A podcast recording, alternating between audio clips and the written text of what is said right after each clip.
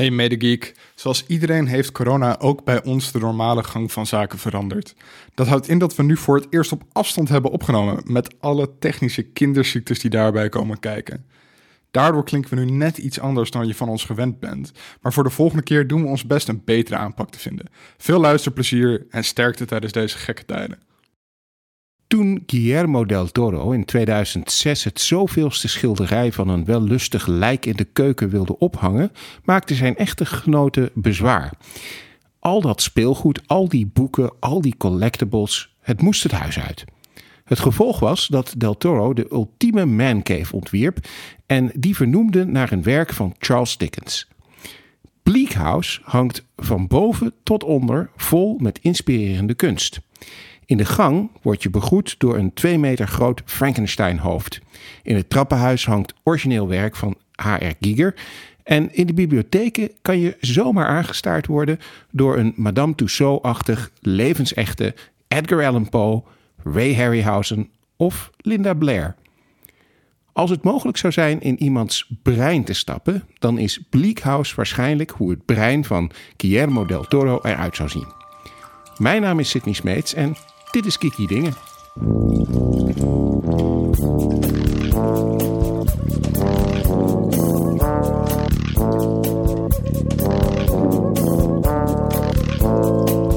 Mijn naam is Tom Aalmoes en mijn favoriete Del Toro monster is toch gewoon Pan uit Pan's Labyrinth.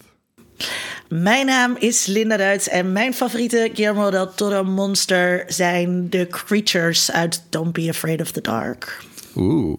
Don't be Eh, afraid. Mijn naam is Sidney Smeets en mijn favoriete eh, Guillermo del Toro monster is Doug Jones. En dat is de acteur die stiekem in alle monsterpakken zit. Dus daarmee heb ik dan meteen alle monsters van Guillermo del Toro te pakken. Dat is vals spelen. Ja, precies. nou, eh, we gaan het deze keer dus hebben over eh, Guillermo del Toro en zijn films.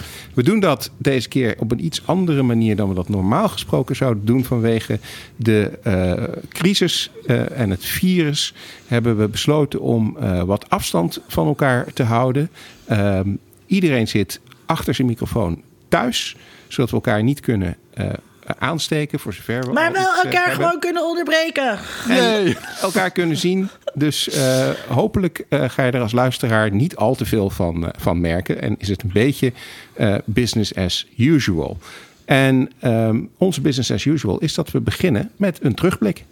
Linda, waar heb jij naar gekeken? Wat heb je geluisterd? Wat heb je gezien? Oh, ik mag als eerste. Ik ehm, heb wonderbaarlijk genoeg niet zo heel erg veel gekeken. Je zou denken dat je het nu rustig hebt, maar ik heb eigenlijk het gewoon, ja, best wel veel dingen te doen. en ehm, ik ben de hele tijd heel druk met videobellen met allemaal mensen en zo. Eh, dus ik kom helemaal niet aan de, aan de dingen kijken toe. Ehm, ik heb The Stranger gekeken eh, op ehm, Netflix. Het is een Britse ja, misdaad, een beetje een soort eh, murder mystery eh, is het. Ik vond het heel erg eh, leuk en interessant en spannend. Het gaat over een gemeenschap waar ehm, een, een vreemdeling, ja, een stranger, in één keer allemaal geheimen komt verklappen. En daarmee wordt een ontrafeling in werking gezet die ehm, heel spannend is en heel origineel ook is. En eh, interessante personages. Eh, dus zeker een aanrader. Oké, nice. En Tom? Eh, ik heb ook gewoon best wel weinig eh, eh, gekeken de afgelopen weken. Eh, ook omdat ik gewoon nu de hele tijd achter een scherm zit om elke keer het nieuws te volgen en zo. En Ja. Ehm, ja, heb ik dan aan het einde van de dag niet per se film om, zin om echt weer de hele avond een film te kijken of zo. Ehm, Ja, dat heb, dat heb ik dus ook heel erg. En het is sowieso lastig. Het nieuws overheerst echt alles. Ja. Eh, en dan is het heel lastig om je te focussen op, eh, ja, op iets anders. Entertainment. Ja. Ja, nee, maar dat probeer ik het meer te zoeken in gewoon dingen doen met vrienden, wat meer skypen. Ehm, ik heb be- begonnen over een boek over minimalisme, dus niet heel erg geeky, sorry. Ehm, maar ik heb wel Westworld seizoen 3, de eerste twee afleveringen gekeken. Ja. Oh, Eh, daar zagen jullie naar uit. Zeker. Ja, en Linda, echt, hij is echt heel goed. Ja, want ze zendt eindelijk dat klotenpark uit... wat ook eh, de schrijvers in staat stelt om gewoon een nieuwe wereld te laten zien. Ehm, eentje die best wel veel op de onze lijkt, maar dan zijn bepaalde verschillen natuurlijk uitvergroot. Uh, zo heb je een klassenmaatschappij met heel veel biljonairs aan de bovenkant en heel veel precaire uh, uh, werkende mensen aan de onderkant. Er is zelfs bijvoorbeeld een app. Uh, de gig economy is zelfs uh, in misdaad. Dus je kan gewoon via een app misdaadbaantjes uh, krijgen. bijvoorbeeld dus een moord of whatever. Je kan een huurmoordenaar zijn of zo. Ja, precies. Ja, ja. Ah, Oké. Okay. Ja, en dat maakt die wereld eigenlijk een stuk interessanter dan die was alleen in dat park. Zeker in het laatste seizoen. Um, en ja, ik vind het eigenlijk heel goed gedaan. Je krijgt ook veel meer die steden te zien. Een soort van vette futuristische, net niet cyberpunk-achtige dingen. Het zit een beetje tussen cyberpunk en onze huidige wereld in. Ja, ik vind het gewoon echt heel erg goed. En kan je het kijken zonder dat je seizoen 2 moet inhalen? Ja, nou... Nou, nee, je kan het dus uh, wel kijken, maar dan zou ik wel aanraden om uh, iets van een recap te kijken of zo. Uh, anders snap je er denk ik weinig van. Maar je moet wel een beetje weten wat er met het park is gebeurd. Want de, zeker de tweede aflevering, en trouwens ook al aan, aan, het einde van de eerste aflevering, gaan we terug naar het park. En dat is anders dan je zou verwachten als je het tweede seizoen wel gezien hebt. Um, en als je het tweede seizoen niet gezien hebt, denk ik dat je niet zo goed kunt volgen wat er eigenlijk uh, aan de hand is met het park. En dat je ook niet doorhebt dat er iets mis is. Uh, dat het eigenlijk niet kan kloppen wat je ziet. Uh, nee, ja, daarom uh, moet je dus een recap kijken. Ja. Dit kan ik ook bijlezen. Dat kan, ja, ja, ja, precies. Zeker. Oké, okay, en nog andere dingen gekeken? Nee, eigenlijk dus niet. Oké. Okay. Um, nou ja, ik heb dus ook wonderbaarlijk genoeg minder gekeken dan ik dacht dat ik zou gaan kijken. Gewoon omdat je inderdaad. Uh, uh, nou, ten eerste wat ik heb is dat ik, uh, als ik thuis werk, ook vind dat ik gewoon op de normale tijden dat ik aan het werk uh, zou zijn, aan het werk moet zijn en niet films moet zitten kijken. Mm -hmm. Dus dat uh, voelt toch niet goed als ik zeg maar midden op de dag opeens uh, Star Trek op zou zetten. Dus dat doe ik ook niet. Zeg, zeg dat maar tegen Dan Hester Forrest. Ja, dat, nou, dat zag ik inderdaad voorbij komen. Die is zijn kinderen een hele filmeducatie aan het geven tijdens ja. deze dagen. Dus op zich natuurlijk prachtig. Um, maar ik heb wel een paar dingen gekeken. Ik heb natuurlijk ook Westworld gekeken. Ik heb ook gekeken naar The Plot Against America. Dat is een nieuwe serie op HBO gebaseerd op een boek van Philip Roth. We hebben het al eens een keer over gehad. Ik heb het boek gelezen. Ja, ik vond het boek goed. Uh, het is een iffy uh, history, hè, dus een verhaal van wat zou er gebeurd zijn als. Uh, kort gezegd, um, Charles Lindbergh, bekend historisch figuur, vliegenier, uh, was ook bekend als uh, fascist. Iemand die uh, nou ja, in ieder geval niet aan de goede kant van de geschiedenis stond. Yeah. en dit verhaal gaat er eigenlijk een beetje over... wat zou er nou gebeurd zijn... of wat zou er gebeuren als Lindbergh misschien meer... succes zou hebben gehad in zijn politieke ambities dan die werkelijk heeft gehad. En ik vond dat dat goed in beeld gebracht wordt. Ehm, het is ook gewoon, ja, het ligt er natuurlijk een klein beetje dik bovenop dat het heel erg uh, relevant is voor wat er op dit moment in onze wereld gebeurt. Mm -hmm. uh, uh, maar het is goed en het is goed gedaan. En ik heb daar in ieder geval van de eerste aflevering van genoten. Dus ik hoop dat dat zo, zo blijft. Um, en verder heb ik gekeken naar de brief voor de koning. Uh, de, de, de, nieuwe verfilming van het boek van Tonke Dracht. Uh, dat kun je gewoon op één dag uh, zeker nu, als je een weekend uh, toch thuis zit, uh, dan kun je dat op één dag best wel kijken. Um, maar is het een serie? Het is een serie, um, maar niet zo heel lang. ik weet niet hoeveel, maar een x aantal afleveringen die je gewoon in één dag in feite wel kunt kijken. Ik kan alles in één dag kijken hoor, Sydney. Alles kan, ja. Ik kijk ook een, ook een Amerikaans seizoen van 13 afleveringen kijk ik Kijk, in één dag. Ja. Nou, dan, dan kun je dit zeker in één dag kijken. Uh, het verhaal uh, is ongeveer hetzelfde als het boek, maar ze nemen wel een heleboel uh, vrijheden en, en andere afslagen dan uh, in het boek. Uh, ik denk ook dat dat gedeeltelijk moest, omdat je er anders niet zo'n serie van kunt maken. Want uh, dan zou je, het, zou je te weinig verhaal hebben, denk ik. Ehm, dat is allemaal op zich best goed gedaan. Het is leuk om naar te kijken. De acteurs zijn redelijk uitgekozen. Het zijn geen toppers allemaal, maar het zijn wel mensen die gewoon gewoon fatsoenlijk dat verhaal kunnen neerzetten. Er zitten ook een paar Nederlanders in. Uh, is het niet een, hele, is het niet een Nederlandse serie helemaal? Nee, nee, het is een uh, Engels-Amerikaanse productie. Volgens mij een Engelse productie, want de meeste acteurs zijn ook gewoon echt Brits en, en hebben hele zware Britse accenten ook. Voor Netflix? Voor Netflix. Um, oh. Maar goed, er zitten wel een paar Nederlandse acteurs in. Um, en wat ze gedaan hebben is de, geprobeerd, dat, dat hoort natuurlijk ook wel een beetje bij onze tijd eh, de, de cast wat diverser te maken dan je in de Nederlandse film bijvoorbeeld uh, zag. Het zijn dus niet alleen maar witte mensen die erin zitten. Um, en ze hebben het een beetje gemixt in het verhaal tussen. de hoofdpersoon heet Thury, voor wie het boek heeft gelezen. Um, en in het boek gaat hij op een avontuur en dan krijgt hij een vriendje en die heet Piak. En uh, een vriendje in de zin van gewoon een vriend, niet, niet iets romantisch.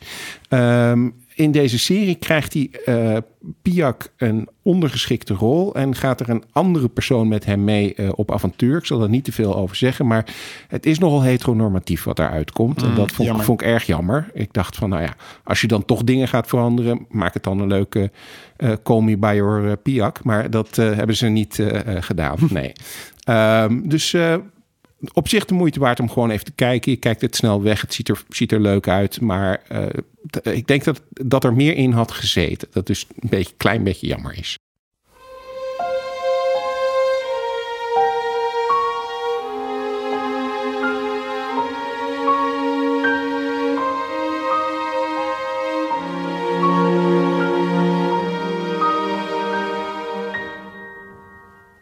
Nou, we gaan het dus hebben over eh, Guillermo del Toro. Hij heeft uh, veel films gemaakt en uh, is er al een tijdje mee bezig. Um, leuk huiswerk dus. Uh, maar wat vinden jullie eigenlijk van Guillermo? Tom? ja, nee, ik um, heb hem tijdens mijn puberteit altijd al een beetje voorbij zien komen. Gewoon van Hellboy en Pan's Labyrinth van dat mensen die keken, dat mensen daar fan van waren. Maar ik keek zelf nooit echt veel horror. Dus voor mij was dat echt iets waar ik een beetje van wegbleef. Want ik dacht dus dat het horrorfilms waren. Um, en um, toen heb ik een tijdje terug uh, Pan's Labyrinth uh, voor het eerst gekeken. En toen was ik daar toch wel heel erg fan van. En daarna ook The Shape of Water gekeken, wat ik ook heel erg top vond. Dus ik vond het ook nu wel leuk om dan een keertje echt te kunnen gaan zitten en al zijn films te gaan kijken. Nice. Heb je ook alles gekeken, Tom? Uh, bijna alles. Ik heb uh, Mimic en Hellboy 2 uh, niet gekeken. Oeh. nou ja. Linda, wat, en jij, jij was ook helemaal verheugd dat je eindelijk Del Toro kon kijken, denk ik. Nou, ja, goh, wat zal ik je zeggen? Mm. Ik, um, ik had uh, uh, The Shape of Water uh, wel gezien. En dat vond ik een hele toffe film. Uh, herinner ik me. In ieder geval toen ik hem keek, volgens mij in het vliegtuig uh, heb ik die gezien. Um, en uh, dus ik had er ook wel zin in. Ik had ook wel zin in het huiswerk. Dus ik dacht, ik begin met uh, Pan's Labyrinth. Omdat dat toch wel, volgens mij, gezien wordt als uh, The Shape of Water en Pan's Labyrinth als zijn beste werk. Mm -hmm. En toen vond ik het echt vreselijk. oh nee. Ik, ik vond het heel ja, clichématig eigenlijk. Dus hmm. ik had het gevoel, dit verhaal, eh, zo'n verhaal heb ik al zo vaak gezien of gehoord. Dus de hmm. slechte kapitein en de zwakke moeder en dat meisje. En dan moet ze opdrachten doen. En dan is er een holle boom met een dikke pad.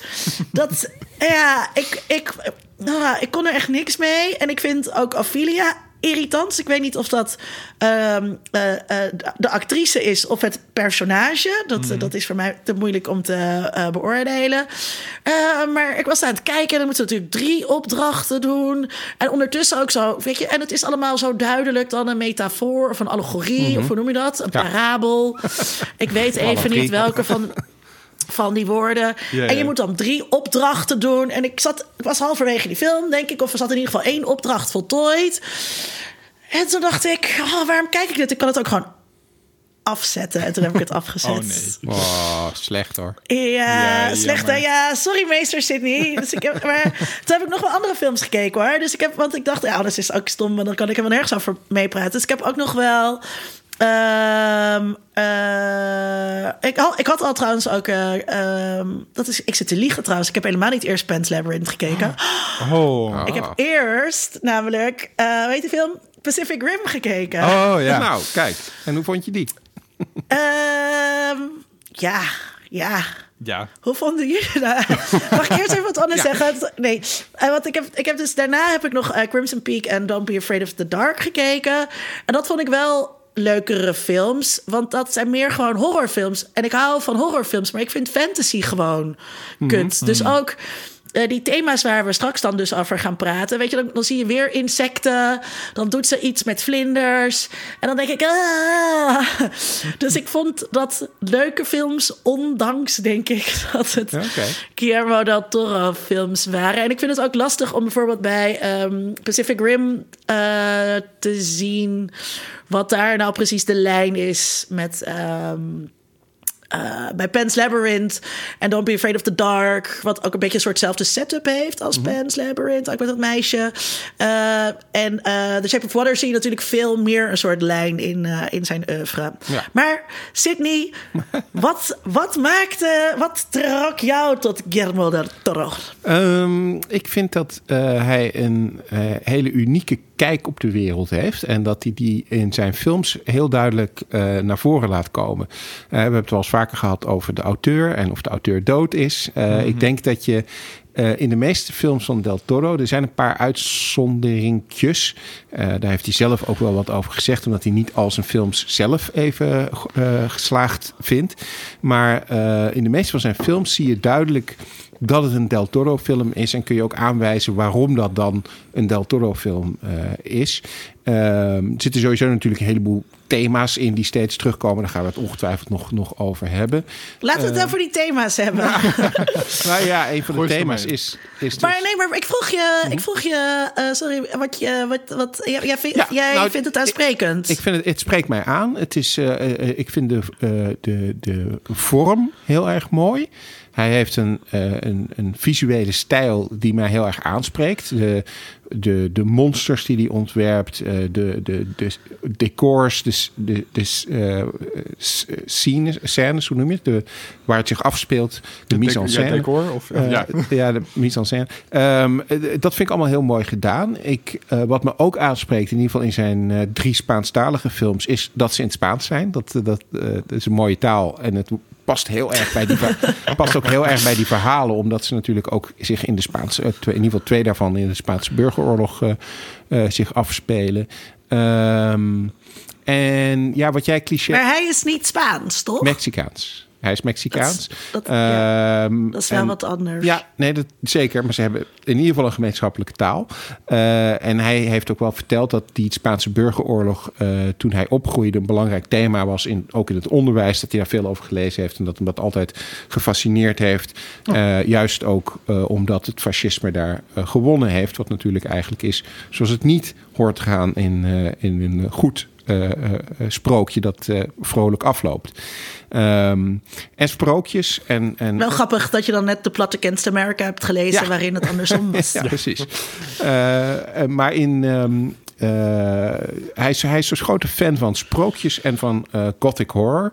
Eh, en die twee elementen zitten ook in al zijn films eigenlijk. Ik denk dat je geen enkele van zijn films, behalve misschien Pacific Rim, maar dat is, dan, dat is weer een andere fascinatie van hem, namelijk gewoon popcultuur, comics, manga, Japanse cultuur. Maar de meeste van zijn films zijn, zitten of sprookjeselementen in of gothic horror elementen in. Ehm, en eh, ja, wat mij betreft zijn in ieder geval eh The Devil's Backbone en, en Pan's Lab- Labyrinth, dat zijn wat mij betreft zijn, zijn twee beste. Ja. Oké, en dan eh, kom, maar- kom maar door met die thema's. ja, nou ja, nee, kom jullie maar door met de thema's. Wat, wat zijn volgens jullie thema's in het werk van eh Guillermo del Toro, eh, Tom? Nou, hij heeft wel altijd, en dat is ook, daar herken je ook wel een beetje een soort van katholicisme in Mhm. zijn eh, films. Dus terwijl hij zegt dat hij overtuigd atheïst is en zo. Mhm. Ehm, dat er altijd een soort van strijd is tussen eh, goed en kwaad. Eh, Ja. Maar ook heel erg dat ehm, mensen bewust de keuze kunnen maken voor goed of voor kwaad. Dus mensen kunnen ook zichzelf weer een soort van redeemen hè, de hele tijd. Ehm, en dat past natuurlijk ook heel erg binnen eh, die sprookjesverhalen van hem, die natuurlijk inherent mora- mora- moralistisch zijn. En dat, dat Ja. ehm, ook natuurlijk in horror zit. Ehm, en dat neemt hij over. En ik snap wel van Linda dat dat een beetje van clichématig aan kan doen. Ehm, maar ik vind dat interessant aan hem, tenminste wat voor mij werkt, is dat hij die clichés soort van omarmt en er gewoon volledig oprecht in meegaat. Eh, en dat vind ik ergens wel mooi, dat hij dat gewoon durft te doen zo.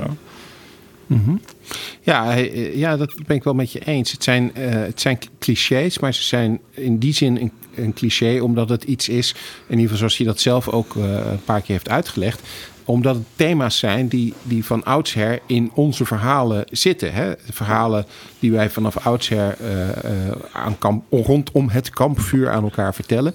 Het zijn over het algemeen verhalen waarin een eh, monster of een slechterik of een boef zit en iemand die dat kwaad eh, bestrijdt. En in spookjes is het dan ook nog vaak dat er een, een onschuldig eh, eh, karakter is, een kind, die op de een of andere manier een, een morele les geleerd krijgt door dat, dat verhaal. Eh, En daar is hij zich natuurlijk gewoon ook bewust van. Het is niet zo dat hij dat per ongeluk doet en daarmee een cliché herhaalt. Hij, hij, hij omarmt dat. Ja, is in, in moderne sprookjes is dat. Hè? Dus eh, sprookjes van oudsher hebben niet per se onschuldige kinderen. Dat is een recentere uitvinding van toen we sprookjes zijn gaan keuzen... om eh, eh, dat we dat pedagogisch verantwoorder Ja, dat is echt voor gewoon je klassiek vinden. Gebroeders Grimm speel. Precies, ja. En, ehm, ja, en, het, en het is dus ehm, juist zeg maar die. die- ja, die, die, die gel- gelaagdheid die niet echt dan heel erg gelaagd is. En eh, dat, dat vond ik dus zo irritant in Pan's Labyrinth. Dat ik dan de hele tijd moet bedenken... wat, wat zegt dit nou over die oorlog met Franco? En moet ik nou... Ik moest te veel eh, eh, werk doen of zo als kijker. Ehm, eh, terwijl tegelijkertijd is het... Is het is dat werk niet echt uitdagend of zo. Ja, ik had een soort Mulisch-ervaring eh, eh, erbij. Weet je wel, Mulisch die zoveel motieven dropt in zijn eh, werk... dat je denkt, ja, leuk hoor. Dat, ja, het is, het is, maar het is, het is echt een smaak. Eh, dat is echt een kwestie van eh, smaak. En ik zie heel goed de aantrekkingskracht voor andere geeks. En ik hoop dus ook niet eh, dat ik nu in één keer heel cynisch overkom of zo. Dat, dat, eh, ehm, maar het, ja, het is gewoon echt niet voor mij. Nee.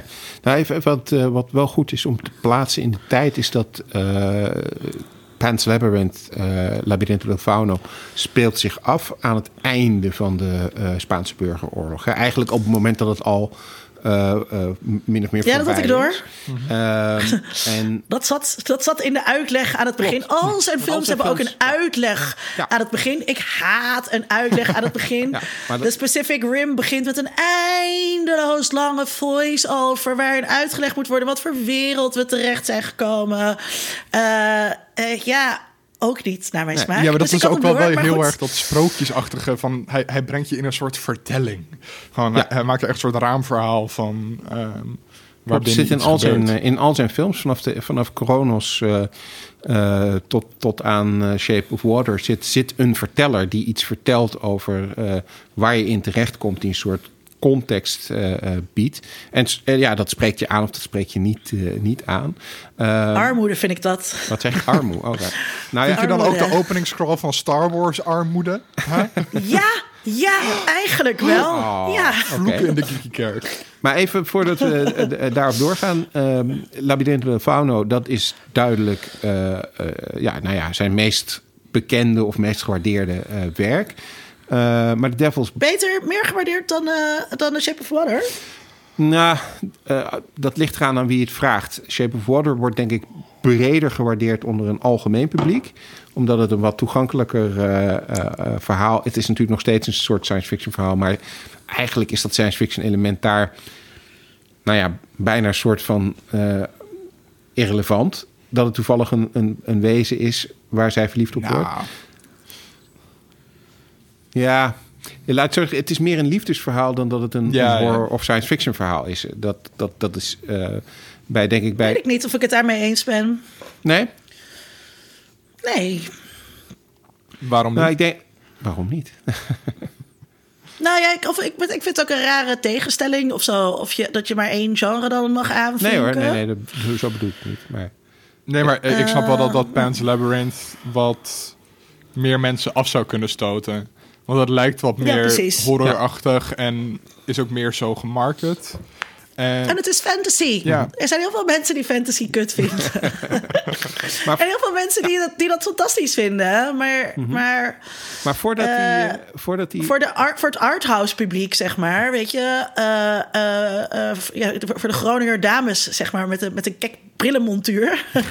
daar is The Shape of Water daar natuurlijk een perfecte film ja, voor. ja, ja, ja. natuurlijk. Het is, het is En, een breder en. Pan's Labyrinth niet. Nee, het breder publiek die dat, eh, die dat aan kan, denk ik.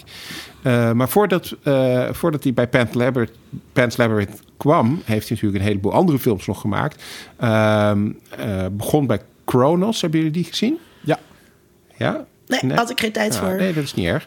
Eh Kronos is eigenlijk een soort vampierenverhaal, maar dan met een twist, omdat het gaat om een apparaat, het Kronos device, dat je, eh, nou ja, dat je eeuwig in leven kan houden, en, maar tegelijkertijd geeft het je een, eh, een, een eh, bloedlust. Ehm, ik had heel laat door dat het een vampierenfilm was. Ah, oké. Dus dus ik zat halverwege de film wel van... Oh, ja, dit lijkt een beetje op alsof hij een vampier wordt. Maar eh, ik ben Ja. wel benieuwd waar het heen gaat. En hij werd dus gewoon een vampier. Ja. Ja. Eh, maar goede film. Alleen eh, Del Toro zelf is er eh, gemengd eh, over. Omdat die film voor hem heel moeilijk was om te maken. Had geen geld, het lukte allemaal niet. En nou ja, hij had een heleboel dingen willen doen die hij niet, niet kon doen. Een bekend verhaal is dat hij zijn auto heeft moeten verkopen om de film te kunnen financieren. Oh, wauw. Maar goed, eh, het is wel de film waarmee hij een beetje op de kaart is gekomen. En daarna is hij uit, uitgenodigd om eh, Mimic te gaan eh, regisseren. Eh, hebben jullie Mimic gezien? Nee, ik niet. Daar ben ik dus niet aan toegekomen. Nee. Ook niet, wel gedownload, niet gekeken. Nee? Ah, Oké. Ehm, Mimic is een eh, film waar Del Toro zelf eh, al, al, al vrijwel aan het begin van heeft gezegd dat hij het gewoon een kutfilm vond omdat hij niet kon doen wat hij wilde doen, omdat de studio heel veel beperkingen aan hem heeft, eh, heeft opgelegd. De En hij heeft Weinstein Studio. Yep. En hij heeft daar later. Weinstein heeft corona. Ja. Wisten jullie dat? Nou, jongens, dat wensen we niemand toe. Eh, Behalve Weinstein. nou, nou, ja, hem wel. Oké. Hem wel. Eh, Niet maar met je luchtbanden. Eh, Oké. en, eh, maar even over Mimic. Eh, wat wel leuk is voor de luisteraar. Er is een special director's cut van Mimic gemaakt. En eh, dat is leuk omdat eh, Del Toro daar de kans heeft gekregen... om die film een klein beetje nog te redden. Om ervan te maken wat hij had gewild. Hij heeft daar een hele goede eh, director's commentary ook bij gemaakt en zo. Het is echt de moeite waard om die Blu-ray DVD een keer op de kop te tikken... als je hem ergens tegenkomt. Mimic zelf blijft een film... Nou ja... mm, nou, ik moet de eerste nog tegenkomen die, die het de meeste werk vindt. Maar eh, er is wel meer over te vertellen. En dat doet Del Toro ook in die, eh, in die director's cut. Eh, maar goed, dan hebben we dus die twee gehad. En dan komt hij met The Devil's Backbone. En dat is toch wel interessant om die heel even erbij te pakken. Omdat er een heel duidelijke nou ja, spiegel, een spiegeling is tussen wat er in The Devil's Backbone gebeurt en wat er in eh Pan's Labyrinth gebeurt. The Devil's Backbone speelt zich af in een eh, vroegere fase van de eh, Spaanse burgeroorlog, als de burgeroorlog nog, nog aan de gang is. En eh, speelt zich af in een weeshuis met jongens. Hè, waar dus Pan's Labyrinth het verhaal van... hey, een keertje geen eendimensionale vrouwen. Nee, een verhaal is van drie eendimensionale vrouwen die samen een driedimensionale vrouw eh, vormen. is eh, ehm, eh, The Devil's Backbone het verhaal van een aantal jongens die een, een avontuur meemaken. En ehm, eh, nou ja, dat is eigenlijk ook het, vers- het zijn, het zijn ook de films die zijn twee thema's heel erg vertegenwoordigen. Hè? Dat is Pan's Labyrinth is dat sprookje en die fantasie. En Devil's Backbone is de gothic horror. Dat is gewoon een spook, spookverhaal. Wat vonden jullie van eh The Devil's Backbone? Ik vond hem wel sterk. eh, terwijl ik hem eigenlijk dus... ehm, de, de dingen die je verwacht bij Del Toro qua productiedesign, Mhm. eh, qua muziek of zo... en qua monsters zat daar echt een stuk minder in. Behalve dan Mhm. het ene spookje dat erin zat, eh, eh, dat jochie. Maar tegelijkertijd is het qua thema's natuurlijk een gigantisch Del Toro verhaal. Ik had daarvoor Crimson Peak gekeken. En Mhm. de intronarratie van Crimson Peak en The Devil's Backbone zou je met elkaar kunnen vervangen volgens mij. Ja, Omdat het dus wat wat, is een spook? Ja, het gaat over wat is een spook en hoe het verleden zijn sporen achterlaat. Eh, weer qua thematiek niet heel dik, maar met volle overtuiging neergezet. Ehm, en heel mooi gemaakt. En ook ehm dat Toro is Het is altijd- allemaal heel mooi gemaakt. Ja, is dat wel zo. Eh, maar ik vind daar ook best mooi in dat met de meeste karakters die soort van. Dat Toro heeft een soort hele zachtaardige blik soms op mensen Mhm. of zo. Ehm, ook met Hellboy zie je dat. Zelfs al vond ik Hellboy echt een vrij saaie eh, film. Eh Del Toro is voor heel veel van zijn karakters heel zachtaardig en probeert ook andere kanten te laten zien. En laat Maar- heel veel maar- ruimte voor emoties in zijn film op plekken waar je die normaal niet zou verwachten of zou zien. Maar ik vond dus eh, van de films die ik heb gezien, eh, wat ik net zei, eh, al zijn vrouwen zijn heel vlak. Dat, dat, Dat is wel echt een ding. En dat vind ik ook echt dat is, wel ik, vind dat, jammer. ik vind dat niet zo zachtaardig. Nee, Hmm. nee, dat snap ik wel. Ik had dat ook vooral bij Pacific Rim. Dat, dat die Japanse vrouw ook heel erg als Dat- een dat- Japanse vrouw werd neergezet. Ja. Ehm, Ja. Met een gekke erecode, eh, waar ze dan heel erg aan vasthoudt. En gekke oude relaties. En heel erg emotioneel gesloten en terughoudend. Eh, ja, dat vond ik allemaal een beetje... Dat vond ik wel echt... Dat, dat stuit hem wel tegen de borst daar. Ja, en dus in Pan's Labyrinth eh, vond ik die moeder, dus eh, zowel de moeder als de huishoudster als het kind. eh, hele platte karakters. En dus ook Edith in, in Crimson Peak. Ja, als een soort de leeg hoofd trapt ze eigenlijk overal in. En ze is al half dood als ze eindelijk door heeft dat ze die thee niet moet drinken. Eh, en dan moet, ze, dan moet ze ook gered worden die, door, door Charlie Hunnam, die, die heel vreemd gecast is ook in die, in die film. Ik snap niet dat hij Pacific Rim gecast zat. wordt. Ik vind hem Nee, echt een ik ken hem, acteur. Ik vind Oh, hem oh, fantastisch oh. natuurlijk, want het is een blonde gast met half lang haar. Maar eh, Nee, hij, heb, zat in, eh, eh, hij eh, zat in Pacific Rim en de, de, de Crimson Peak is daarna gemaakt, dus vandaar. Ja, maar ik, heb, ik ken hem heel goed, want ik heb Sons of Anarchy helemaal Ja. uitgekeken. Eh, en daarin speelt hij de hoofdrol. En dat, dat zat me meer dwars. Hij is gewoon een actiegast. En dan moet je hem niet in één keer in zo'n, eh, in zo'n eh, kostuumdrama hijsen. Maar over die... Eh, ja, dus ik vond dat... Want jij zei, hij is heel zachtaardig voor zijn personages. Ehm, maar hij is dus niet zo aardig voor vrouwen. Maar wel voor Nee. zijn monsters. Ja, wel Maar voor wel zijn voor zijn monsters. monsters. Maar Want dat, dat Ja. zijn ook geen wel echt- Eh, nee, nou ja, in eh, ehm, eh, Crimson Peak zijn de, de spoken, de, de monsters, zijn Ja, allemaal maar dat, die- vrouwen. dat zijn geen monsters die, die lief worden neergezet. Die zijn alleen maar eng. Nou, die worden niet echt eh, gehumaniseerd per se. Dat, nou, dat ben ik Maar niet ze zijn helemaal- wel, ze zijn, het is wel terecht dat ze komen spoken. Ja, zeg Ja, ja, ja. Ik ben, het- ja. ze, zien er wel, ze zien er heel eh, eng eh, uit. Overigens wel heel mooi eng. Hè? Want het is, het zijn- het is gewoon prachtig gemaakt allemaal. Eh, maar inderdaad, het, ze, ze, ze doen uiteindelijk Edith geen kwaad. Ze helpen haar eigenlijk eh, om, om het verhaal te ontrafelen. Eh, dat is eigenlijk hetzelfde als wat er in eh eh The Devil's Backbone met Santi... eh, Oh, mag ik nog heel speelt. even? Ja. Wat voor domme kut ben je ook? Oké, dan komt er een geest en die zegt: Beware of Crimson Peak, beware of Crimson Peak. En dan denk je niet: Oh, ik moet dus even wat, eh, wat research doen. Wat dat Crimson Peak nou eigenlijk zou zijn. Nee, doe je niet. En dan ga je naar een plek waar alles crimson rood is. Maar dat wisten ze Ja, van maar- tevoren toch niet? Duh. Het is- Wat? Dat wisten wisten ze van tevoren toen- toch niet? Nee, maar als je daar aankomt, ja, dan denk je toch, oh fuck, er is hier wel heel veel rood. en, en, en, dit, en, dit, en, dit, en dit kasteeltje staat op een piek. Eh, misschien moet ik even met iemand praten. Ja, Staat dit, ja. Ja, maar liefde maakt blind, Linda. Ja, en ook, en ook, het sneeuwt de hele tijd, maar niemand heeft het koud. Nee, dat klopt. Ja. Ik, ik moest met Crimson Peak trouwens heel erg denken aan Crate uit Star Wars Niet Episode realistisch. 8. Oh ja, ja. Ja, ik ook. Ja, Daar moest ik de hele tijd aan denken. klopt. Zeker, ja.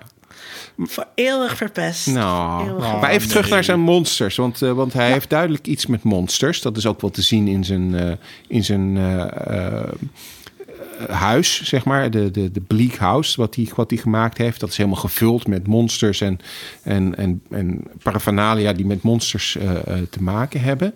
Ehm, ik zei al, eh, bij de Devil's Backbone dat is een spookverhaal. Het gaat over een spook. Of eigenlijk gaat het over de vraag: wat is een spook? Hè? Een fantasma. Ehm, maar dat spook, eh, die Santi, dat, dat, dat jongetje, ehm, is niet het, het, het monster eigenlijk van de film. Nee. Het monsters zijn altijd de mensen in, in Del Toro's eh, films, Ja. heb ik het idee. Ehm, en dat was ook wel... Nou, wat een Ja. interessante symboliek. Eh, nee, niet per se een interessante symboliek, maar ik vind dat wel interessant vanuit Del Toro zelf, die ook onvrijwillig eh, niet meer in Mexico woont en Ja. een beetje een buitenstaander en misplaatst voelt. En dat is dus iets wat de hele tijd terug blijft komen in zijn films, van die...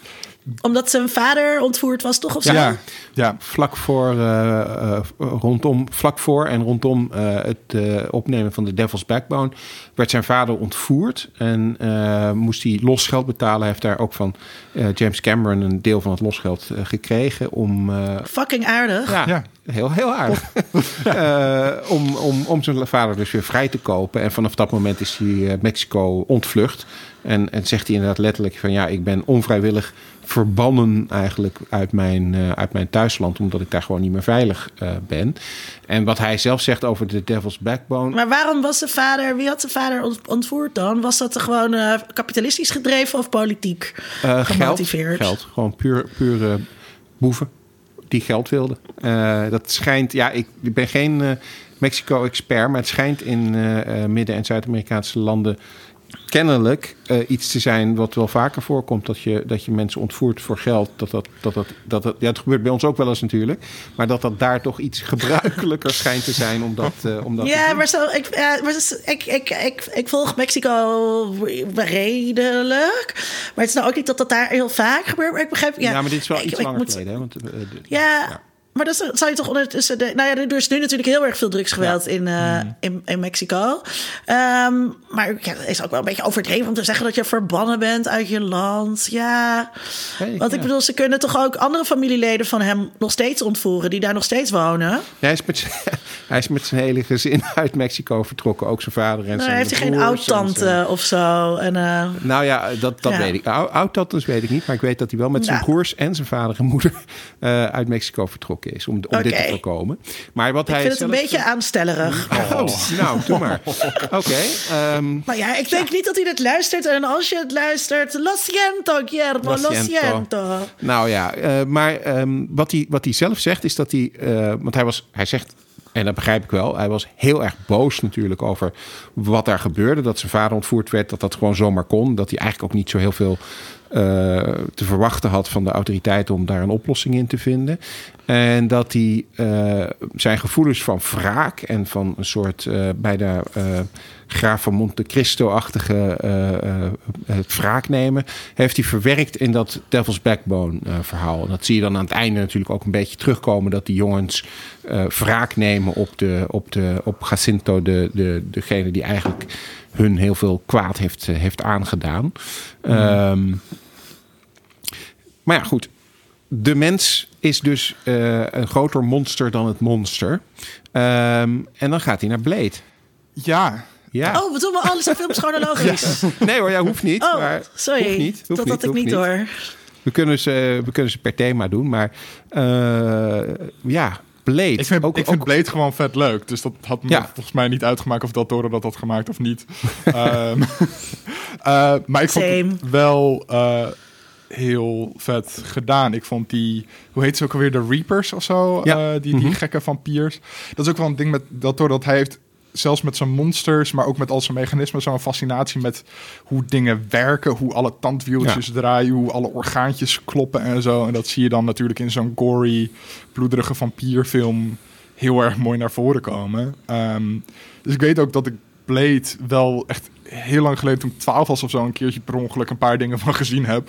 Uh, Mhm. Of misschien zelfs nog jonger. Dat is me altijd heel erg bijgebleven van die soort van kaak die open klapt met allemaal klauwen Ja, ja, ja. en dingen daaruit. En dat daar dan nog weer iets uitkomt. Ja, ja dat vind ik heel Er zit iets heel mechanisch. eh, Ja. qua, eh, dus niet eh, mecha me- mechanisch zoals we dat doorgaans gebruiken, maar van mechaniek. Mhm.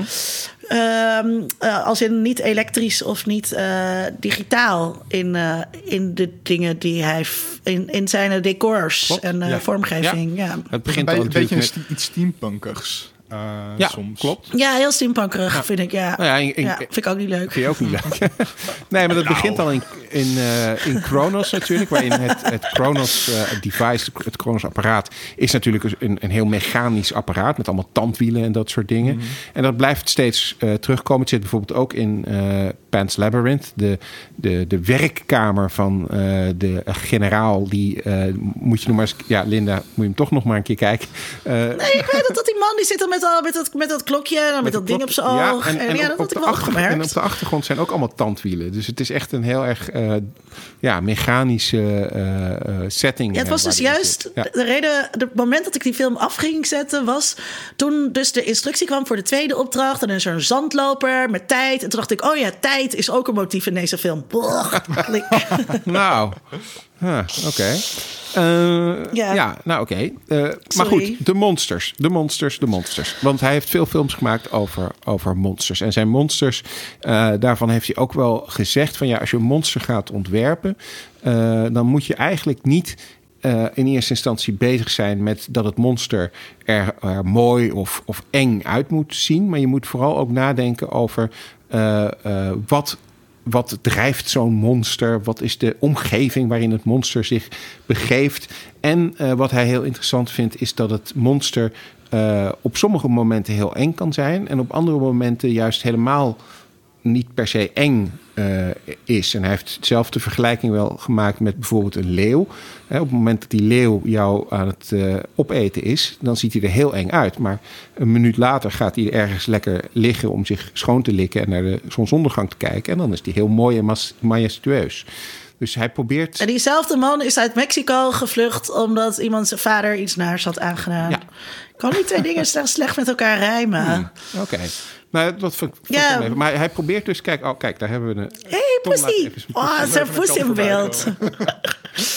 Hij, Oh, echt, echt een stoere leeuw. Ja, maar hij probeert dus heel erg om zijn monsters eh, die, tu- die dualiteit mee te geven. Enerzijds eh, dat ze echte monsters zijn en eng zijn.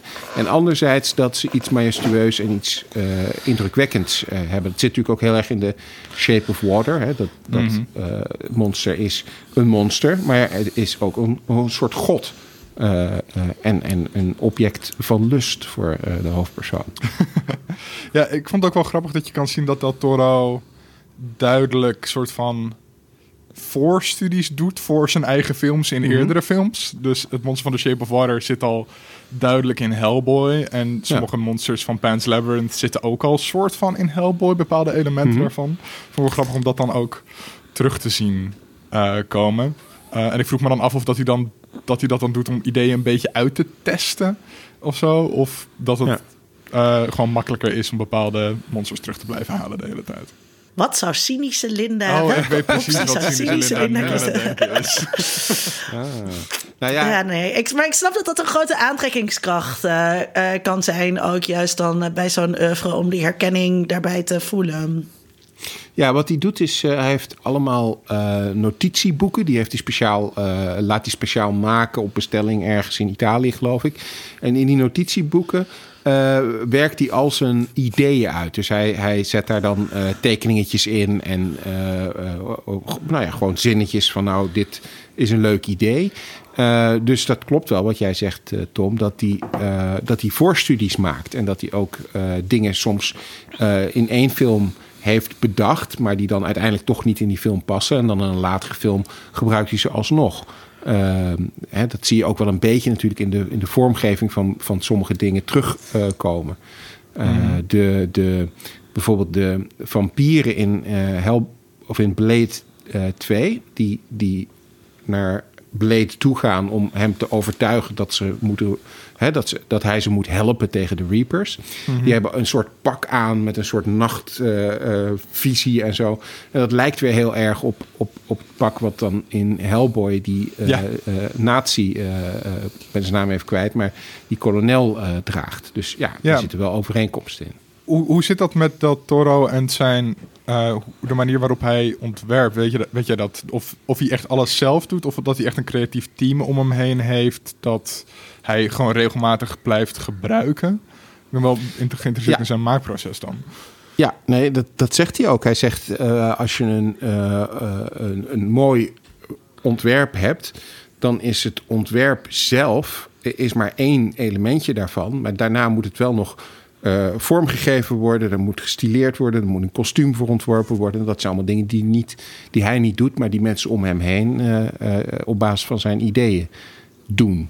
Dat zien we Oké. bijvoorbeeld in Crim- Crimson Peak. Eh, eh, hij heeft dan wel een idee voor hoe zo'n spo- spook eruit moet zien. Maar eh, ja, de kleding en zo van die, van die, van, die de dames vooral aan hebben. daar zit heel veel symboliek in. Er zit heel veel verhaal achter. Maar dat heeft hij dan weer niet. Hij is geen kleermaker, zeg maar. Nee. Oké. Ja, nee, ik, ik dacht ook wel met soort van. We hebben het natuurlijk ook over gehad met eh, Wes Anderson al heel erg over auteurtheorie. En dat een auteur nooit echt, zeker in de filmwereld, niet op zichzelf staat. Eh, en toen dacht ik ook wel van: is, is Del Toro een beetje een Wes Anderson eh, van horror of zo? Maar dat vind ik het. Hmm. Maar waar wel Wes Anderson echt in alle films van vaste stijl heeft, heeft Del Toro dat eigenlijk niet natuurlijk. Omdat hij te veel nog outliers heeft, zoals een eh, eh, Pacific Rim of een Devil's Backbone of zo. Die ik niet Ja. per se visueel heel erg Del Toro eh, vind. Niet zo herkenbaar, maar ik denk dat er bijna geen enkele regisseur is die dat zo sterk heeft als, eh, als Wes Anderson. Nee, nee. Ehm, en je ziet, ik vind dat hier wel, zeg maar, dus in, het, in de films die ik van hem heb gezien, herken je wel een signatuur. Eh, ik zat ook heel erg. ehm, ik vond in alle films het kleurgebruik bijvoorbeeld ook heel interessant. Ja. Eh, ehm, of opvallend, zeg maar. Dat, dat, dat is hem wel. Eh, dus hij maakt in ieder geval wel de effort om een, om een, eh, om een oeuvre-regisseur te zijn. Klopt. hè. Ja, die pretentie heeft hij wel. Dat spreekt er in ieder geval wel uit die films. Ja, het is heel duidelijk met kleur inderdaad eh, bezig. In The Shape of Water zit dat, zit dat heel duidelijk. Dat alles wat Strickland ehm, en wat met Strickland te maken heeft, dat is heel erg klinisch en groenig. En eh, hè, dat, je, dat, dat voelt, voelt niet eh, natuurlijk of menselijk eh, aan. Terwijl op het moment dat je naar eh, de, hoofdpersonen gaat, dan wordt het veel warmer qua, qua kleur. De kleur rood is ook iets wat, waar hij iets mee heeft. Nou, Crimson Peak natuurlijk zeker, maar ook in, eh, in The Shape of Water.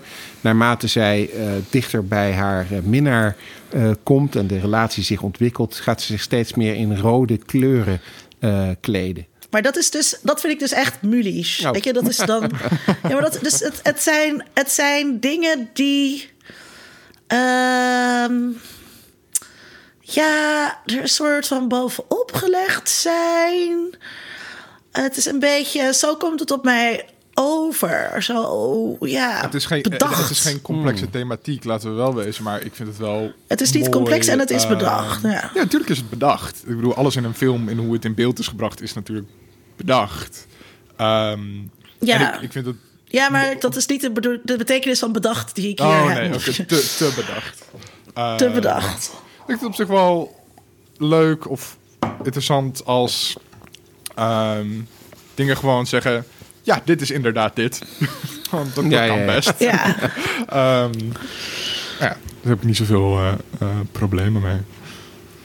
Zijn het, eh, want we hebben het er al een paar keer over gehad dat het een eh, van oorsprong Mexicaanse regisseur is. Eh, zien we daar iets terug, van terug in zijn, zijn films? Dat het geen Amerikaanse regisseur is bijvoorbeeld, of geen Europese regisseur is?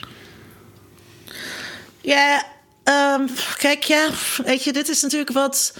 Dit zijn allemaal, misschien zit daar ook wel een beetje mijn irritatie hierover. Dit zijn allemaal dingen.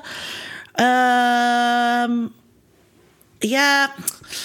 Uh, kijk, dan kan je, je, kan, je kan natuurlijk dan een heel boek opentrekken over uh, Mexico en het katholicisme mhm. daar. En hoe dat samenhangt uh, met indigenous geloven. En hoe El Dia de las Muertes mm wordt beleefd. En weet je wel, daar kan ik, ik bedoel, daar kan ik zo een opstel over schrijven.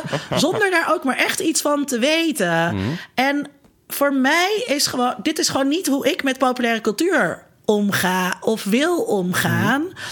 Uh, dus het, dus ik, ik, ik, ik ben niet geïnteresseerd. Ik ben gewoon niet geïnteresseerd in de auteur. En dus ook niet uh, in, in die zin in zijn uh, herkomst. En of hij een trauma had van zijn moeder uit zijn jeugd. Mhm. En daarom een hekel aan vrouwen heeft. ik ben geïnteresseerd in betekenisgeving. Mm Dus aan de andere kant van wat er met teksten gedaan wordt.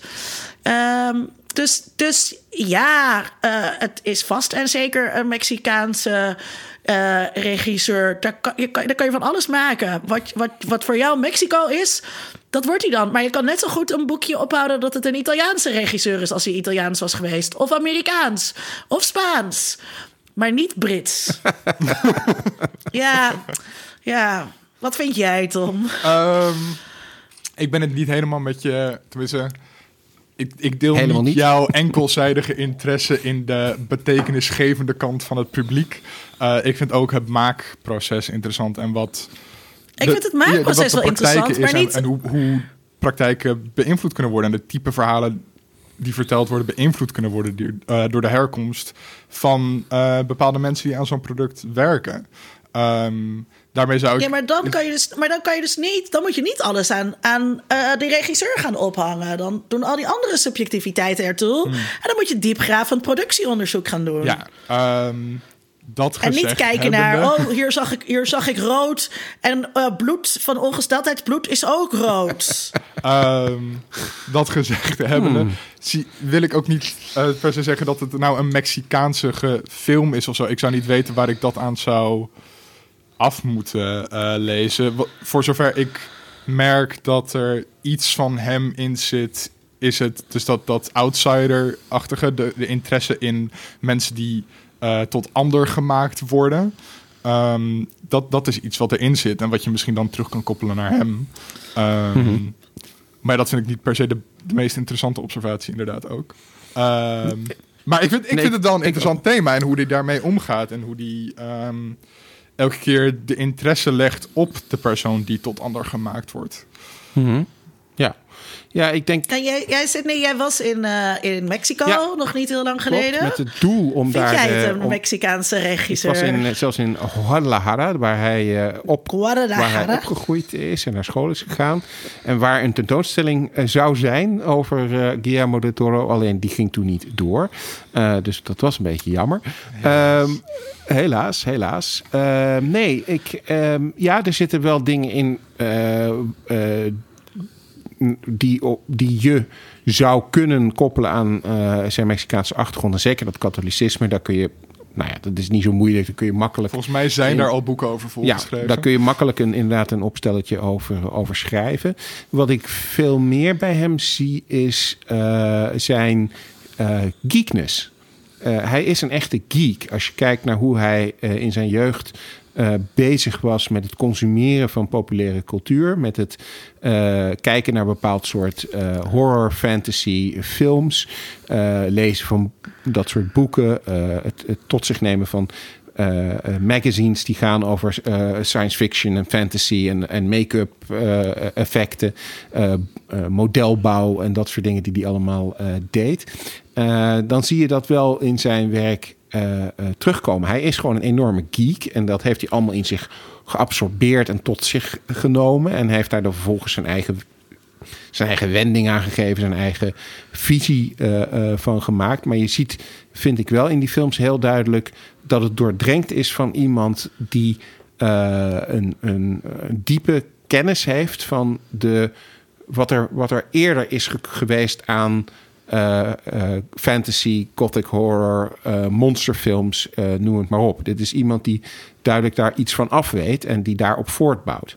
En daar originele dingen Ah, mee doet. ja, dus wat Harry, wat Harry Mulisch met Griekse tragedies heeft, heeft Guillermo del Oh, oh, Toro oh, oh. met popcultuur. Ik, ik heb al de titel voor de, voor de aflevering. Guillermo del Toro, Mulisch van de film. Ja, ja, ja, ja. ja. nou, dat... De Mulisch van de Geek World. Nou, ik, maar ik denk dat je bij Mulisch... Kijk, eh, eh, zoals ik jou begrijp, eh, zou ik Mulisch dan eerder richting iets als Dan Brown of zo schuiven. Hè, van het makkelijk... Oh, ik dacht dat ik beledigend Ja, nee, maar als je, als, je het, als, je het, als je het beledigend wil zeggen. en, en bij Guillermo del Toro zie ik, zie ik meer iets waarbij hij niet. Hij is niet dingen aan het imiteren of dingen op een manier aan het verwerken waarvan je denkt van, oh kijk, mij is slim zijn door hier dit zo te doen. Eh, eh, weet iemand die veel van monsterfilms weet dat ik daarmee doel op Frankenstein of zo. Zo doet hij het eh, volgens mij niet. Het is meer dat hij die kennis heeft en die informatie heeft en vervolgens daar zijn eigen ding mee doet. Dit is exact wat Mulisch zou zeggen. Oh, kijk, ik, ik zie... Gezegd Ah, zou hebben, oké, want ja. de, de, de grote meester is natuurlijk al lang, al lang, al lang ligt hij op zorgvliet. Wordt Vincent nu niet heel verdrietig hiervan, Linda, dat je dit nu allemaal zegt? Vincent wordt heel verdrietig, ja. Ehm. maar die, die haat luistert toch alleen maar naar Kiki. Oh, Ja, als hij er al naar luistert. Eh hi Vincent.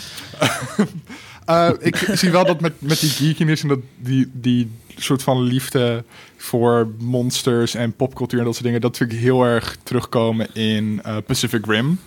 Wat gewoon een film is die zegt van... fuck het, we gaan gewoon super grote, super vette dingen tegen elkaar laten vechten.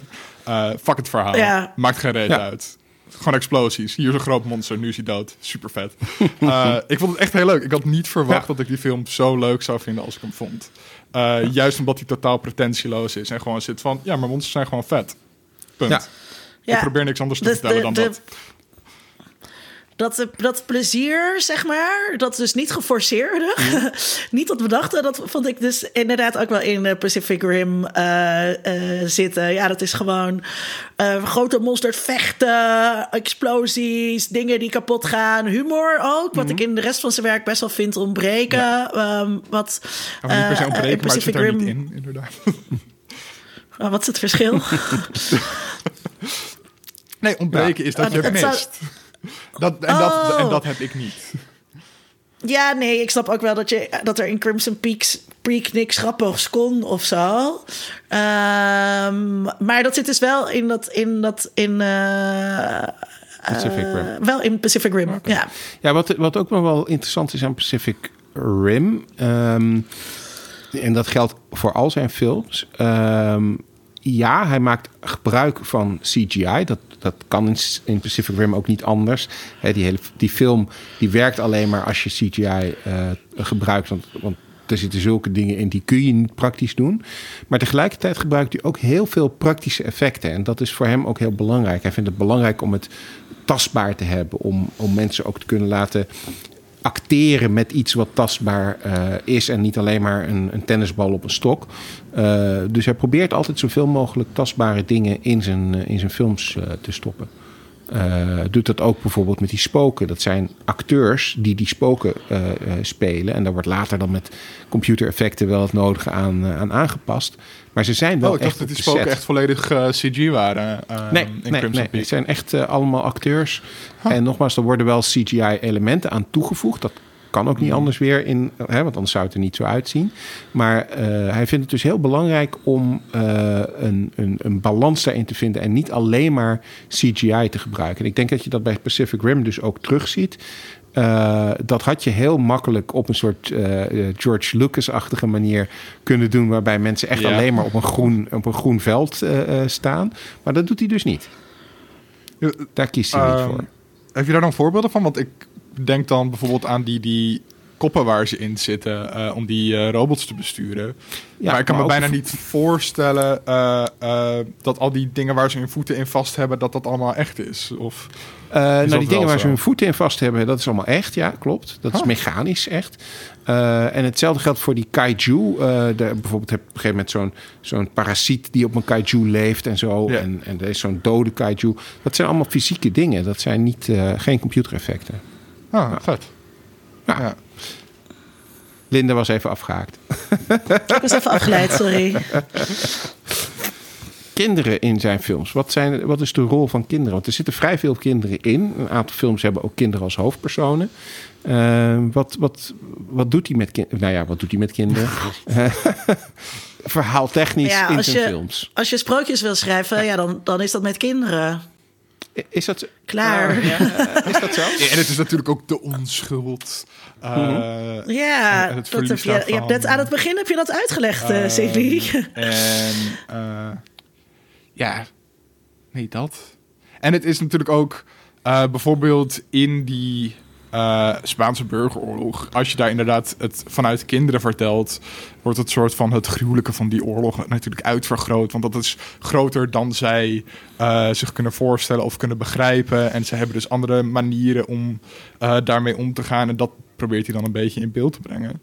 En, en dan verlies je je als er, als er in je echte leven heel verschrikkelijke dingen gebeuren, dan, verlie- dan kan je je goed verliezen in fantasiewerelden. Wat, eh, wat, eh, wat jij, Sydney?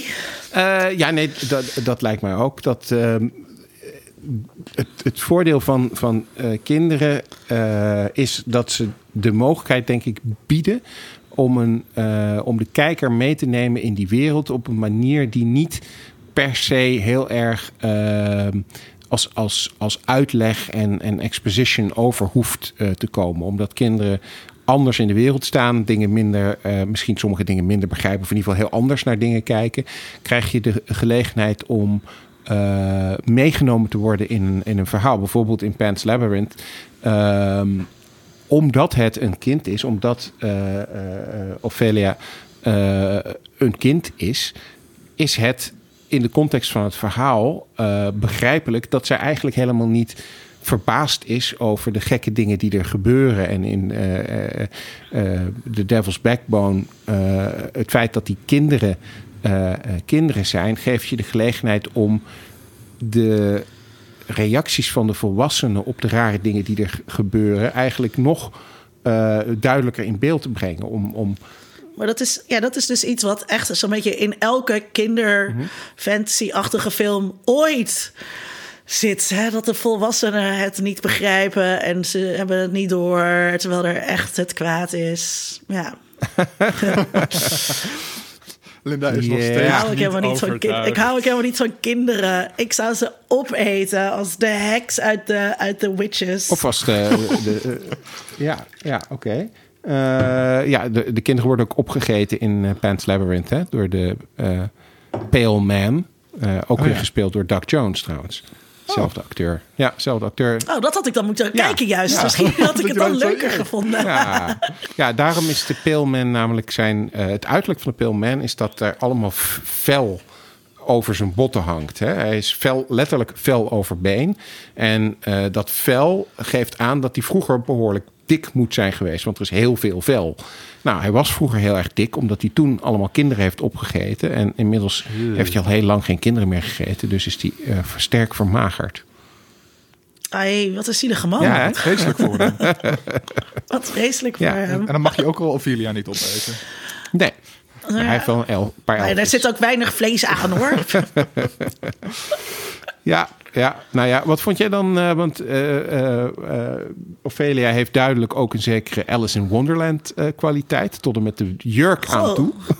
Ja, nee, het is Ja, maar een ja. wonderland. Ja, Toch? vond je ook eh, te, te dik bovenop liggen? Ook te dik bovenop liggen. En toen dacht ik, moest ik nu ook nog weer Shakespeare nalopen Mhm. vanwege Ophelia en Hamlet. en waarom Ophelia ook alweer verdronk. Eh, ja, nee, ja, ja, nee, sorry. Het spijt me. Oké. Nogmaals, Guillermo lo siento. Cientos, los cientos. Oké, maar toch even, eh, want in eh, eh, Crimson Peak is uiteindelijk, dat vond je wel een goede film. Maar wat, wat, wat vond je daar dan Maar het, het gaat toch niet om wat ik een goede film vind? Het is toch helemaal niet relevant? Mhm. Nou ja, ik probeer erachter, eh, erachter te komen wat je daar dan. eh, wat, wat van de. Ja, maar dat is toch ook, sorry, maar is toch voor de luisteraar ook niet zo? Ik vind dat niet zo relevant. Waarom ik iets leuk vind of niet. Ja. Oké. Ja, dus ik vond, dat een, ik vond het een leukere film met een boeiender verhaal. Er zaten geen kinderen in. het was wat spannender. Dat vond ik een leuke film. Maar dat is ook, bedoel, dat is, dat is, ja, ik, is verder niet zo boeiend. Dat is ook verder niet zo'n boeiende film. Oké. Je vond het, eh, oké, verder niet zo'n boeiende film, maar eh, nou ja, oké. Eh, dat vond ik op zich wel. Het is niet zijn, vind, wat mij betreft niet zijn beste film, maar wel zeker een boeiende film. Gewoon oh, als je kijkt naar, naar hoe het vormgegeven is, hoe het verhaal verteld wordt, dat, dat, dat vind ik wel vrij boeiend. Nou, hoe, hoe bedoel je dat? Nee, want ik, ik vond The Crimson Peak ook een, een, een mindere film van hem. Ehm, Mhm. En ik kan niet per se aanwijzen waarom. Het, het pakte me gewoon niet. Nee, ik, Minder. ehm, Hm. nee. Ook misschien... Nee, ik, ik weet het gewoon echt niet. Eh, nee, wat ik ook... eh, en dat had ik ook met andere films wel van hem. Eh, dus ja, ze zijn clichématig. En daarmee maakt het dat ik dus soms dan ook echt zit van... Oh, nu gaat er dit gebeuren. Oh, nu gaat er dit gebeuren. Oh, nu gaat er dit Mhm. gebeuren. En ik, daar zat ik met Crimson Peak wel heel erg eh, mee eigenlijk. Ehm, en dat vond ik niet heel erg prettig. Want ik zag natuurlijk al van, van mijlenvel aankomen dat één Tom Hiddleston slecht was. En dat twee Tom Hiddleston weer goed zou worden. Ehm, Ja. dat vond ik, ja, vond ik een beetje flauw of zo. Ja, dat er iets met die zus was. Maar dat is, ja, dat, is eigenlijk bij alle films. Zie je het allemaal wel aankomen, behalve misschien bij The Shape of Water. Ja, The Shape of Water, eh, film waar hij een Oscar notabene voor eh, gewonnen eh, heeft. Ehm, daarvan heeft hij zelf overigens gezegd dat hij heel blij was dat hij met deze film eh, een Oscar heeft gewonnen. En eh, dat hij dus door is gegaan met het maken van het soort films wat hij maakt. En eh, niet eh, dat hij weet ik veel, een of andere Hollywood blockbuster is gaan maken of een of andere Hollywood film is gaan maken, waardoor eh, eh, hij zijn nou ja, creatieve wortels zou hebben, hebben losgelaten. Dus wat hij zelf zegt van, nou, ja, ik ben juist wel überhaupt blij dat ik een Oscar win, maar ik ben helemaal blij dat ik een Oscar win met een film over een eh, eh, monster eh, dat ook nog eens een keer eh, half een musical is en waar een, een, een dame die niet kan spreken de, de hoofdrol in, in speelt. Ik Dus- vond het een vrij bizarre Oscar-win destijds. Ja. Had ik echt niet verwacht hiervan. En dat is natuurlijk dan heel sympathiek of zo, dat ze dan, dan toch open voor Mhm. staan. Ehm, maar het is ook gewoon een hele mooie film, eh, natuurlijk. Ehm, wel weer met al diezelfde eh, Del Toro ehm, thema's en dingen. En op zich ook nog wel clichés. Ik vond het ook wel interessant dat ik las dat Del Toro ooit een keertje gezegd heeft dat hij de hele tijd één film maakt. Dat Mhm. als zijn films eh, dezelfde films zijn, dat je kan hem één film slechter vinden of beter film, maar het is nog steeds dezelfde film. Ehm, en Maar hebben jullie deze nu opnieuw gekeken? Nee, ik heb hem niet Ja. herkeken. Hebben jullie The Shape of Water niet Ik wel. herkeken? Jij Ja, wel, Nog Sydney? een keer. Als het laatste uit de reeks ook? Heb je ze allemaal chronologisch gekeken? Eh, ja, ik heb ze allemaal gewoon logisch gekeken. Eh, En hoe was het dan om dan bij The Shape of Water aan te komen? Nou, dat, eh, ik, wat Tom net zegt, dat, dat, dat zie je ook als je gewoon logisch gaat kijken. Het zijn, het zijn steeds films die voortborduren op wat hij al gedaan heeft. En waar dezelfde thema's steeds in terug blijven komen. En waar hij ook steeds dingen teruggrijpen op andere films.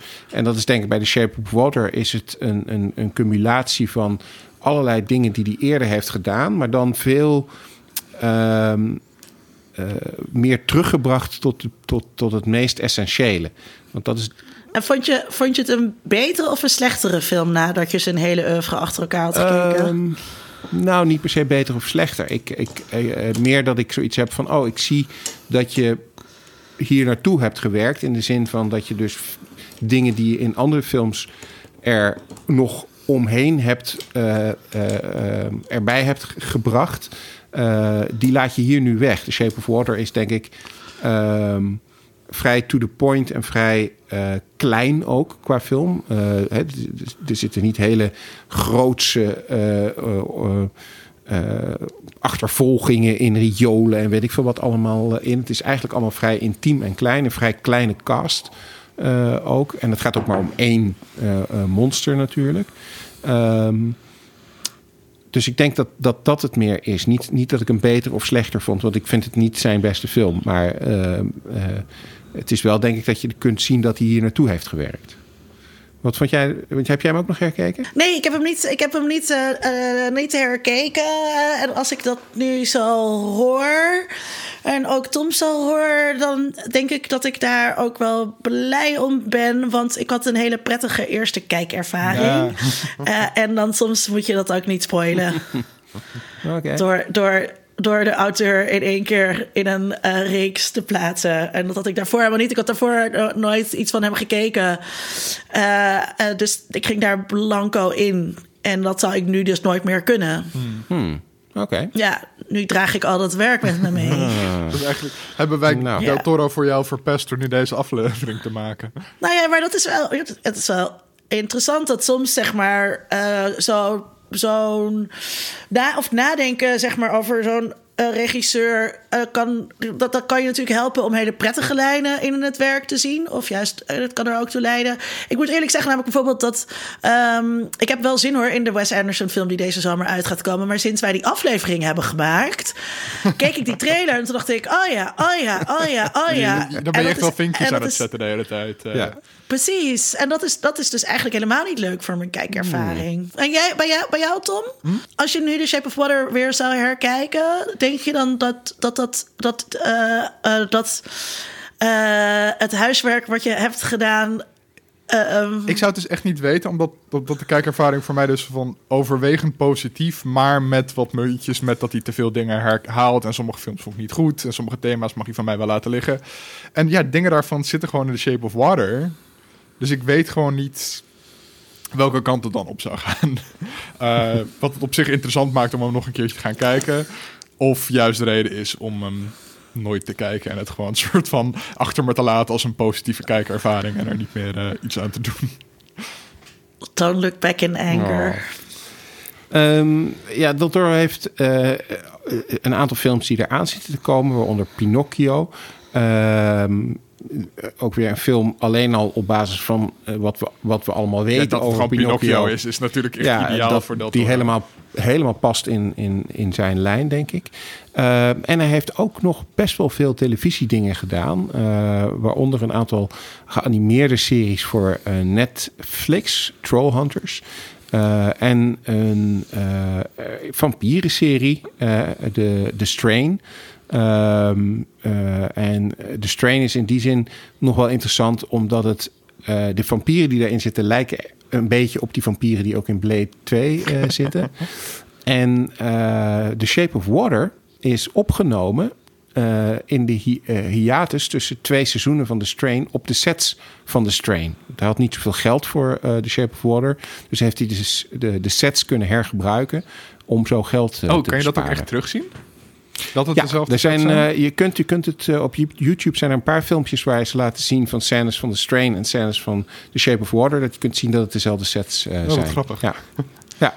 Voor, de, voor, de, voor de geeks die dat interessant vinden. In a world. In a world. World. World. World. In a world. nou, Tom, waar kijk jij naar uit? Nou, ik heb helemaal geen zin om de toekomst in te kijken eigenlijk. ja, net, net vanavond, net voordat we gingen opnemen, uh, nemen, is bekendgemaakt dat we tot 1 juni uh, blijkbaar allemaal uh, binnen moeten gaan zitten. Um, hmm. Ja, nee, dus ik, ik kijk eigenlijk uit naar ja, hier buiten kunnen zitten. ja. um, En daarnaast... Uh, Jij hebt toch een essentieel uh, beroep, Ja, ik moet dat, vis uh... verkopen aan Juppen. Essentiëler komt het niet. Mm. Um, nee.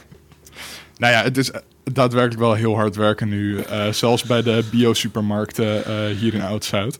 Um, We zijn heel erg dankbaar wat, je voor, wat jullie voor ons doen. Gedaan, yep. Graag gedaan.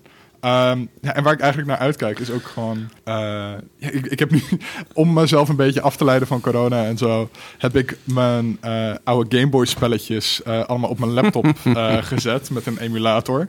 En daarmee kan ik nu met een Xbox controller die op mijn MacBook is aangesloten... op mijn tv uh, Nintendo Game Boy spelletjes spelen. Dat is een hele gekke constructie, maar het is wel heel erg leuk. Dus ik ben weer begonnen aan Pokémon spelletjes en ik ga ook oude Mario spelletjes herspelen. Dus daar kijk ik eigenlijk nog naar uit, want dat is gewoon heel erg leuk escapisme. Volgens mij is gamen echt de beste manier om deze ellende door te Alleen maar. Stardew. Valley spelen de hele tijd. Ik ben ook heel jaloers op mensen met een Nintendo Switch... die nu de hele tijd eh, Animal Crossing aan het spelen zijn. Want het ziet er zo leuk uit. Ja, dat zie ik overal. Ja. Ik denk ook echt Ja, dat dat Animal ja. Crossing, eh, daar, daar, gaan, nou, daar gaan studenten van jou eh, of, of van, van andere wetenschappers waarschijnlijk allerlei hele leuke scripties over schrijven. Want het is echt bizar dat, dat zo ongelooflijk veel mensen dat nu aan het spelen zijn, omdat iedereen thuis zit en dat spel in die zin kennelijk net op het goede moment uit eh, Ja. is gekomen. Ja. Mooie timing. Ik eh, wil het liefst. was je klaar, Tom? Ja.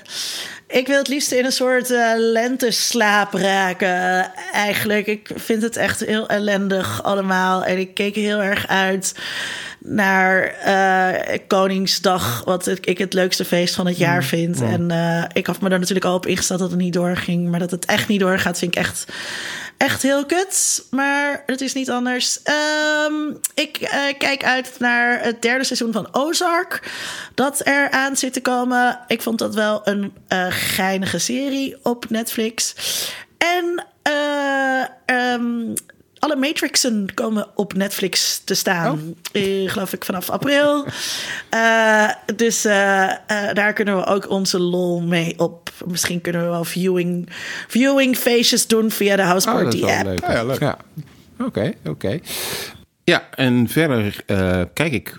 Ja, we moeten er toch maar het beste van maken. Ehm, uit naar een periode waarin ik hopelijk eh, veel tijd ga hebben voor dingen waar ik tot nu toe niet echt aan toe ben gekomen. Allemaal films en series die ik eh, klaar heb staan. We hebben allemaal van die lijstjes van dingen die we graag eh, willen kijken. Waarvan we zeggen, nou, als ik tijd heb, dan ga ik daar echt voor zitten. En dan ga ik nog eens een keer van A tot Z de X-Files kijken of zoiets.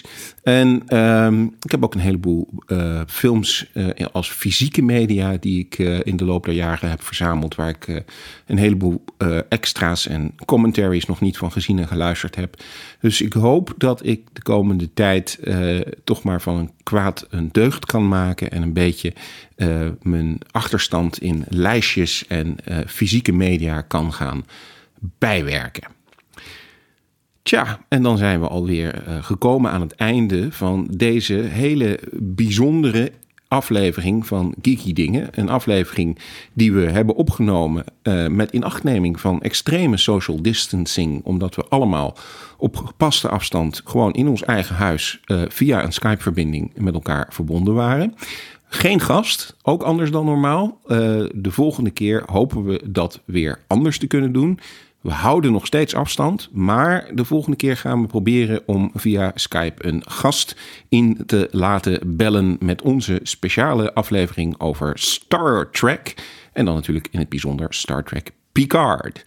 Ehm, we hopen dat je dan weer gaat luisteren en dat je de gelegenheid te baat neemt om al je vrienden en vriendinnen, kennissen, eh, collega's, eh, iedereen die je ook maar op anderhalve af, meter afstand tegenkomt, eh, te vertellen over kiki dingen. Want in deze tijden van quarantaine eh, is het toch prettig als je iets hebt om naar uit te kijken, als je iets hebt waarin je je kunt verliezen.